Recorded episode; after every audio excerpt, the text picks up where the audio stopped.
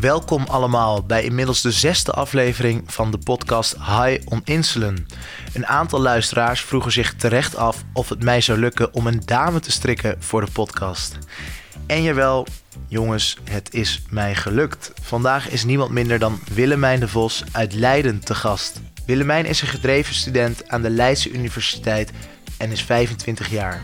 Ze heeft een bachelor in biomedische wetenschappen en gaat ook voor deze master. Dit combineert zij sinds kort met de studie geneeskunde. En daarbij is ze ook patiëntexpert voor het Recht met XB Consortium. Toen overleed er inderdaad een vriend van me en dat is toen best wel een klap voor me geweest. Ook omdat opeens diabetes best wel uh, nou ja, eng werd. Daarbij zit ze ook nog in de maatschappelijke adviesraad van het Diabetesfonds. Ik hoor iedereen denken, dit klinkt allemaal zeer ingewikkeld. En daarom gaan wij hier vandaag uitvoerig over spreken. Welkom Willemijn. Hi, leuk dat ik er kan zijn. Ja, leuk dat je er bent. Ik heb begrepen dat je een trouw volger bent van de podcast. Wat was jouw lievelingsaflevering? Ik denk dat mijn lievelingsaflevering degene was met Robin Koops. Uh, ik vind hem een ontzettend inspirerende man. En uh, ik kon me het meest vinden in zijn verhaal. En ik, ik hoop dat ik ooit later ook misschien een kunstafleesklier kan gaan dragen. Als ik jou de vraag stel, wat is diabetes? Hoe zou je die vraag dan beantwoorden? Diabetes is altijd opletten. Vooruitdenken, altijd terugdenken. Kijken of alles wat ik nodig heb in mijn tas zit. Of mijn telefoon wel opgeladen is. Diabetes is er altijd. Daarnaast vind ik het heel belangrijk dat er meer begrip komt voor type 1 diabetes. Want ik heb het idee dat tegenwoordig veel eh, diabetes zeg maar in één woord wordt genoemd en dat alles wat diabetes is daaronder valt en dat daardoor eigenlijk best wel wat onbegrip of misverstanden bestaan over type 1 diabetes, omdat het vaak door met type 2 diabetes door de war wordt gehaald. Ik ben er helemaal van me apropos nu. Ik, ja, van ik heb Willemijn tussendoor gevraagd of ze de headphones op wilde zetten. Klinkt het niet fijn nu? Te hard? Ik kan even gaan spelen namelijk. Ik schrok gewoon van mijn eigen stem. Oké, oké. Ja, hey, ik heb begrepen dat je biomedische wetenschappen studeert. De reden dat je dit met gaan doen is om diabetes te genezen. Ik vind het een heel mooi doel. Uh, ja, toen ik jonger was, dacht ik dat dat zo een 1, 2, 3 kon.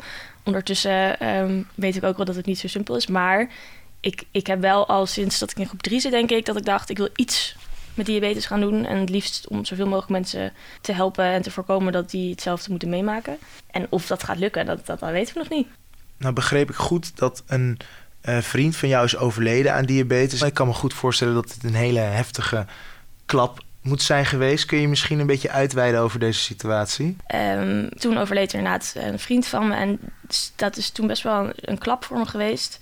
Ook omdat opeens diabetes best wel uh, nou ja, eng werd. Het is niet alsof je zomaar eraan overlijdt, maar um, op dat moment uh, schrok ik daar wel erg van en ben ik het heel anders gaan inzien kun je misschien ons vertellen wat er precies is gebeurd bij het overlijden van deze vriend? Wat ik weet is niet 100% zeker, maar waarschijnlijk was het het uh, dead and bad syndrome. Dat is een soort term of syndroom dat wordt uh, gebruikt bij jongeren met type 1 diabetes die eigenlijk vrij onverklaard en onverwacht sterven in hun slaap. Uh, dus, en dat is dan hoogstwaarschijnlijk is dat door een hypo en dan krijg je problemen met je hart s'nachts. En dan kun je daaraan sterven. En er is heel weinig over bekend. Er is heel weinig onderzoek naar. Het is ook heel zeldzaam. Maar het gebeurt wel. Ik sprak laatst een jongen die schreef zijn scriptie hierover. En die uh, had ook een vriend in Amsterdam. Die is overleden aan het dead in bed syndrome. En ik sprak hem erover en hij vertelde inderdaad dat door een hypo een hartritmestoornis wordt getriggerd en dat je daaraan kan overlijden. Nou, ik heb hem toen heel veel vragen gesteld. Ja, hoe weten we nou dat dit een relatie heeft met diabetes en een hypo. Want ja, misschien hebben andere gezonde mensen dit ook wel. Um, ik moet eerlijk zeggen dat deze vraag niet heel duidelijk werd beantwoord, omdat het ook een redelijk vaag begrip is. Het is ontzettend vaag, want ik heb toen de tijd natuurlijk heel uitvoerig onderzoek gedaan voor mezelf, omdat ik het wilde begrijpen en ook om denk ik een beetje mijn eigen angst uh, um, te verwerken. Je loopt echt een beetje tegen muren aan daar, want ja, er is gewoon bijna niks over bekend. Dus het is allemaal heel erg vaag. En uh, er staat ook niet echt wat je kan doen om te voorkomen, want dat weten ze niet. Uh, het is pech hebben, even heel hard gezegd. Um, kijk, diabetes is, net, het is een chronische ziekte. Uh, dus algemeen bekend dat chronische ziekte best wel wat met zich meedraagt. En ook best wel wat problemen kan veroorzaken. Vooral in de puberteit, waarin je natuurlijk eigenlijk alles wil doen wat niet mag. Um, komt wel vaker depressie voor of angst- en paniekstoornissen. En weten we hoe dat komt?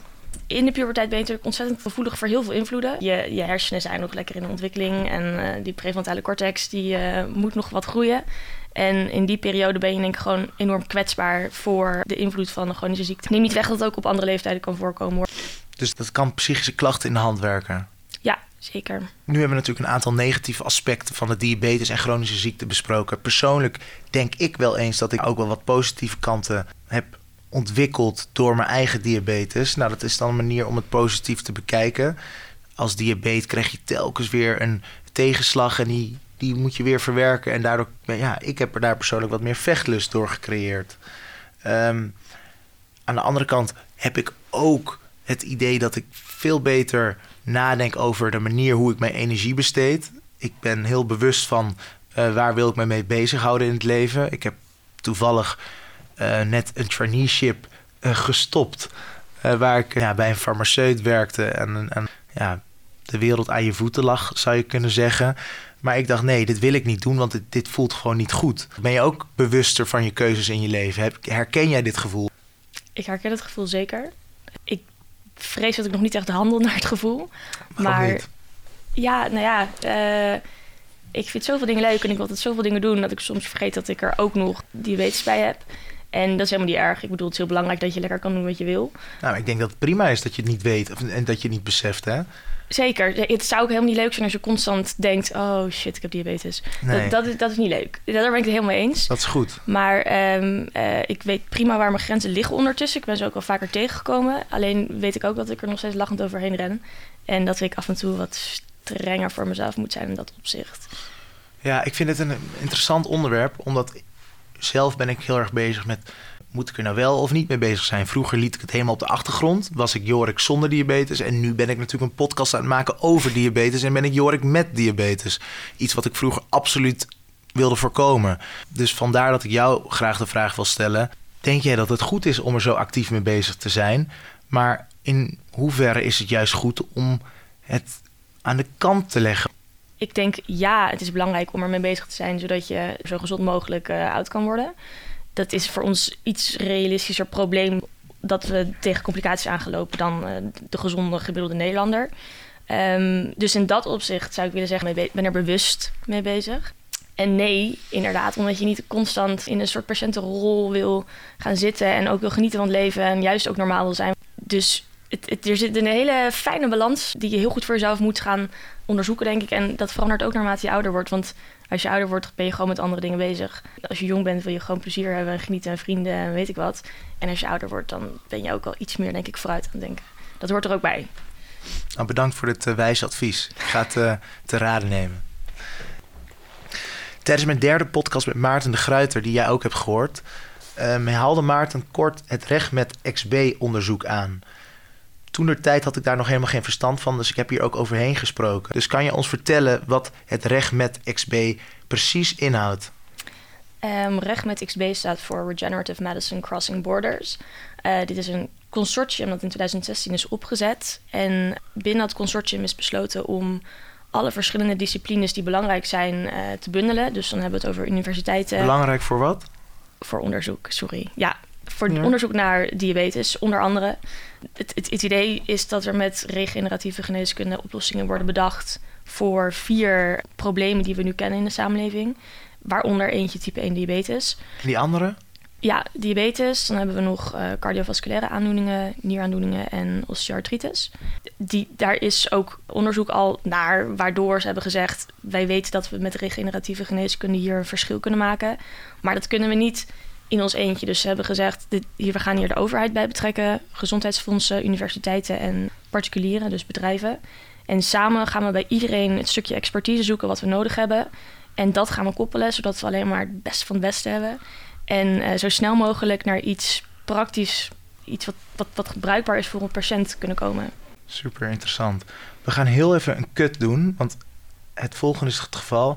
Mijn waarde is volgens mij even naar de kloot, dus ik ben helemaal niet sharp. Heb je lekker trouwens eten? Super interessant. Maar het is gelukkig een omgeving. dat ik, Begrijp het. Dag, we zijn weer terug. Er ging iemand oud. De podcastproducent Jorik Simon, ikzelf, had een hypo waardoor we even moesten stoppen. Uh, Willemijn, ontzettend bedankt voor de Dextro en de Sultana. We kunnen weer verder. Yes. Zoals we af hadden gesproken, gaan we verder met de vraag: kun je mij kort uitleggen wat het recht met XB precies inhoudt. Ja, um, met XB staat voor Regenerative Medicine Crossing Borders. En dit is een consortium dat in 2016 is opgericht en waarbij de overheid betrokken is en particuliere bedrijven, uh, universiteiten en gezondheidsfondsen. Ja, die fondsen die, die kennen wij, want het Diabetesfonds die, die fundt dit project. En ja.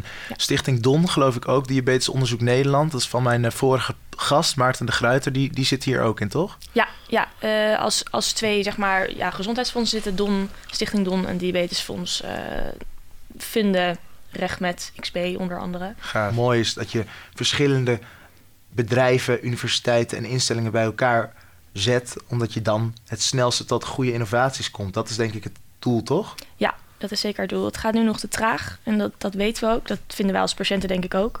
Wij horen al 25 jaar lang dat het over vijf jaar genezen is, toch? Precies. Als je oplet wordt altijd 5 tot 10 jaar gezegd bij onderzoek. Maakt niet uit welk soort ziekte, maakt niet uit welk soort probleem. Bij diabetes weten we dat we geen uh, insuline producerende cellen hebben. Die worden kapot gemaakt door ons immuunsysteem. We weten ook dat dat best wel problematisch is tot op heden weten we ook dat er ook nog helemaal geen genezing is. Dus wij zitten heel leuk insuline te spuiten en te prikken. De behandelmethoden verbeteren telkens. We hebben nu de sensoren, we hebben de pompjes. En dat is allemaal hartstikke fijn, maar het is geen definitieve oplossing. Dus moeten we dat gat gaan vullen. In 2007 zijn ze begonnen met eilandjestransplantaties. Eilandjestransplantaties, dat zijn dus de stukjes van de alvleesklier die bij ons uh, niet meer goed werken. Die worden dan opnieuw ingebracht. En uh, in plaats van dat je dan dus een hele alvleesklier doet, doe je een stukje alvleesklier. Dus transplantatie van insuline producerende cellen gebeurt al, begrijp ik goed? Ja. En dit werkt ook al? Nou ja, daar ligt dus het probleem. Het, het gebeurt en uh, daarvoor moet je heel veel immuunsuppressieve medicatie slikken. Uh, dat is helemaal geen feest, wil je liever niet. Het gaat in veel gevallen prima, maar het is een stuk minder effectief dan ze hoopten. En uh, er zijn heel veel redenen voor. Die alvleesklieren die zijn super kwetsbaar. Dus als er iets fout gaat met het uitnemen van de alvleesklier bij de donor die naar de ontvanger moet, dan is vaak een pancreas al niet meer uh, bruikbaar voor transplantatie. Het klinkt heel hard, maar er zitten gewoon best wel hoge eisen aan transplantatieorganen. Het komt erop neer dat een heel groot deel van de eilandjes, van, dus van de insulineproducerende cellen, onder andere die ze aan een patiënt geven, dat die verloren gaan. En ze willen kijken ook bij Regmet dan hoe ze kunnen zorgen dat die eilandjes die ze nu transplanteren veiliger getransplanteerd kunnen worden, waardoor ze beter blijven bestaan. En zo kun je praktisch gezien dus met dus dezelfde hoeveelheid eilandjes kun je niet één persoon helpen, maar misschien wel vijf personen. En dat is heel fijn, want we hebben maar heel weinig alvleesklieren om te transplanteren in Nederland. Dat is een gigantisch probleem. We hebben nu. Heeft dit uh, met donorregistratie te maken? Ja, want je bent dus, dat is dus wel een belangrijk punt, je bent met eilandjestransplantatie afhankelijk van een donor. Bij RegMed is uiteindelijk zeg maar, het hele, hele verre toekomstdoel dat ze in plaats van met donormateriaal, met je eigen materiaal, jijzelf weer insulineproducerende cellen willen geven. Ja. En tegenwoordig kunnen we met hele simpele huidcellen of urinecellen kunnen we ze stamcellen van maken en die stamcellen met de juiste liefde weer naar beta-cellen veranderen. Dus insulineproducerende cellen. En uh, zou je dus uiteindelijk onafhankelijk van donoren en in een soort veilig omhulseltje wat ze aan het produceren zijn bij Rechtmet, uh, cellen kunnen transplanteren die hopelijk uh, insuline gaan produceren. En dat zou in een verre, verre toekomst een soort genezing moeten vormen. En vanuit het Diabetesfonds zelf worden er ook echt patiënten zoals ik dus gekoppeld aan het Recht met XB onderzoek. Want Recht met XB die doet naar vier richtingen onderzoek en hopen ze voor die vier richtingen een regenerative medicine oplossing te vinden. En ze noemen het moonshots. Dus voor diabetes moonshot ben ik gevraagd als een soort brug tussen de patiënt en de onderzoeker. En moet ik waarborgen dat het onderzoek uiteindelijk leidt tot iets wat voor patiënten daadwerkelijk nuttig is. En uh, waar wij op zitten te wachten. Want het is heel leuk als onderzoekers uh, heel hard hun best doen om iets te maken. Maar als wij het niet willen gebruiken als patiënt, dan is dat een beetje zonde van de tijd en van het geld. En dat gebeurt best wel vaak. Dus nu moet ik proberen om dat te voorkomen. En hoe doe je dat? Ik zit bij alle meetings en uh, het onderzoeksdeel, dat snap ik. De, de, de, het economische, politieke deel, dat vind ik af en toe wat lastiger. Daar heb ik ook echt 0,0 achtergrond in. Maar daar hebben we weer andere soort patiënten voor die dat soort dingen kunnen regelen. Voor het onderzoeksdeel is het belangrijk dat het daadwerkelijke product dus iets wordt wat wij willen. Daarvoor zit ik bij de meetings erbij en kan ik zeg maar uh, vragen stellen en opmerkingen maken waar nodig. En kan ik een beetje helpen hen te sturen in richtingen. Super.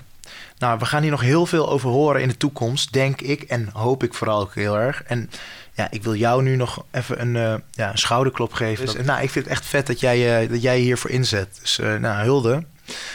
We zijn aangekomen bij een volgend item. En dat is namelijk... De ingezonde vraag. Vorige podcast was met mijn eigen internist, dokter Van Raalte. En dokter Van Raalte hoorde dat jij kwam. En die heeft toen de volgende vraag gesteld. Laten we even gaan luisteren. Ik zou heel benieuwd zijn waar dat consortium zich op richt en wat zij concreet doen, want ik, ik ken het helemaal niet. Dus mijn vraag zou zijn hoe het zich op richt en of zij in dat consortium het leuk zou vinden om samen te werken met het academisch ziekenhuis en of wij daaraan mee bij kunnen dragen. Nou, dokter Van Raalte die stelt hier eigenlijk de vraag of er al samen wordt gewerkt met ziekenhuizen. En ik heb het idee dat hij het VUMC, zijn ziekenhuis en zijn krachten ook in te zetten voor het recht met XB. Ja, wat vind jij hiervan? En denk je dat dat misschien mogelijk is? Ja, ik ben natuurlijk hartstikke blij dat mensen zo enthousiast reageren. Zijn allereerste opmerking is: ik heb er nooit van gehoord. Dat is een hele terechte, want ik vind dat recht met nog niet zo goed is met uh, zichzelf bekendmaken. Dus daar ben ik, ben ik me ook heel erg hard voor aan maken dat dat gebeurt. Ik ga het zeker doorgeven. Ik vind het hartstikke leuk dat het VMC hier ook geïnteresseerd in is. Ik denk dat tegen de tijd dat dit klinisch toepasbaar wordt, hebben we natuurlijk al die ziekenhuizen nodig die uh, achter met uh, gaan staan en ons helpen met de transplantaties. Ja, en zeker ook de bekendmaking. Zeg maar het feit dat mensen moeten weten dat dit bestaat. En ook artsen. Het feit dat hij het niet weet, is het misschien belangrijk. Dat, misschien kan hij wel een soort uithangbord voor jullie worden om, uh, om, ja, om iets meer aandacht te creëren. Vind ik een heel goed plan. Nou, wellicht zit daar toekomst in. Nou goed, mijn volgende vraag is... Ja, onderzoek ontwikkelt zich supersnel en het gaat steeds sneller en sneller. We hebben net al even gesproken over wat recht met allemaal doet en of er misschien genezing in de toekomst mogelijk gaat zijn. Waarom horen we al jaren het woord genezing, maar is er geen genezing? Moeten we niet oppassen met dat woord? Waarom, waarom, waarom gebruiken we eigenlijk dat woord? Goeie vraag. Ik vind genezing ook een heel gevaarlijk woord. Uh, want bij genezing hangt heel veel, aan genezing hangt heel veel hoop. En uh, zoals we ook al hebben benoemd, uh, is die vijf tot tien jaar belofte ondertussen al drie keer verlopen ongeveer.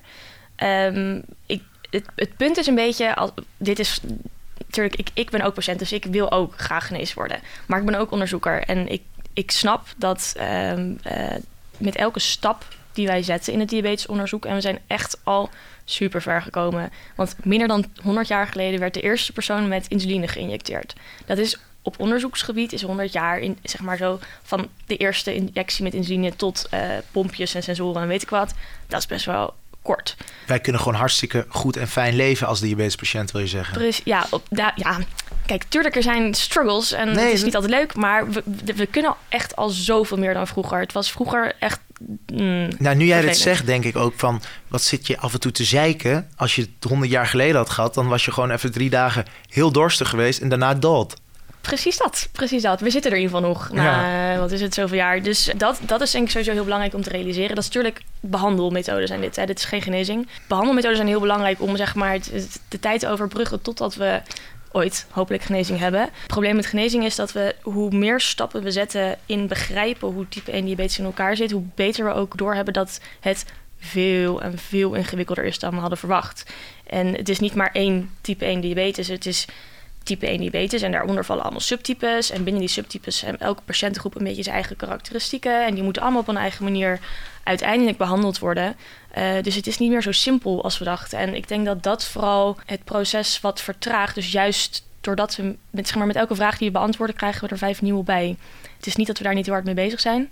Maar dat, dat kost wel tijd. Dus voor onze generatie denk ik dat we het wel nog gaan meemaken. Maar voor de 60-jarigen wordt het um, denk ik geen genezing meer hard maar duidelijk antwoord. Ja, sorry. Als afsluiting van de podcast vraag ik mijn gast naar een moment in zijn leven waar de diabetes enorm van pas is gekomen. En dan vraag ik me af, heb jij dat? Een uh, moment waar je van denkt, hé, hey, daar was de diabetes gewoon handig. Um, ik heb, uh, mijn ex-vriendje is mijn vriendje geworden omdat ik diabetes had. Mijn laatste huisje deed was mijn huisje deed omdat ik diabetes had. Dus op die manier denk ik dat het heel goed van pas komt als ik het zo hoor, gewoon je, je, je liefdesleven is vooral gekoppeld aan je diabetes. Het heeft geholpen in het verleden, laten we het zo zeggen. Oké, en die carrière, dat is natuurlijk hoe je jezelf nu inzet voor de rechtmet. Dat je daar heel veel, veel van leert. En... Onder andere. ik werk ook voor het eilandje transplantatieteam. En doe dingen voor Diabetesfonds. En ik hoop dus later dat ik zelf diabetoloog kan worden. Dus En die, die functie diabetoloog, die ken ik helemaal niet. Is dat een internist? Of Oké, die kunnen zichzelf diabetoloog noemen. ja, ik denk dat het een soort specialisatie binnen de interne geneeskunde... dat je het zo zou kunnen noemen. Hey, ik eh, vind het een hele mooie afsluiting voor de show, van de show.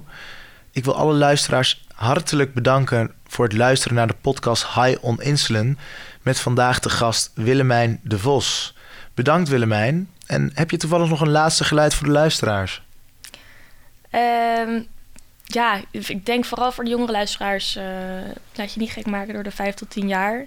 Het gaat nog wel even duren voordat we misschien helemaal beter zijn. Maar er zijn echt super toffe vernieuwingen eh, bezig. En eh, er zijn heel veel slimme mensen ook bezig. En ik ga zeker niet beloven dat iedereen beter wordt. Maar ik kan wel beloven dat ik er heel hard voor ga inzetten. En ehm, blijf zo, zo gezond mogelijk totdat het uiteindelijk hopelijk mogelijk is om te genezen. Oké, jonge mensen. Je hoort het. Blijf gezond. Willemijn, ik vond het super leuk dat je er was. En voor de luisteraars die dit een goede podcast vonden, vergeet dan niet 5 sterren te geven en een positieve review achter te laten in de Apple Podcast. Dit was ik de vorige keren vergeten te zeggen, maar is natuurlijk super belangrijk. Of stel een vraag in de reviews en dan kan ik deze beantwoorden in de volgende uitzending. Met niemand minder dan Wouter Tullenaar. Ik ben heel erg benieuwd hoe dat zal zijn, maar het wordt sowieso leuk. Bedankt allemaal en eh, tot gauw. We did it. We kunnen nog wel een beetje doorbabbelen hoor. Oh ja, prima.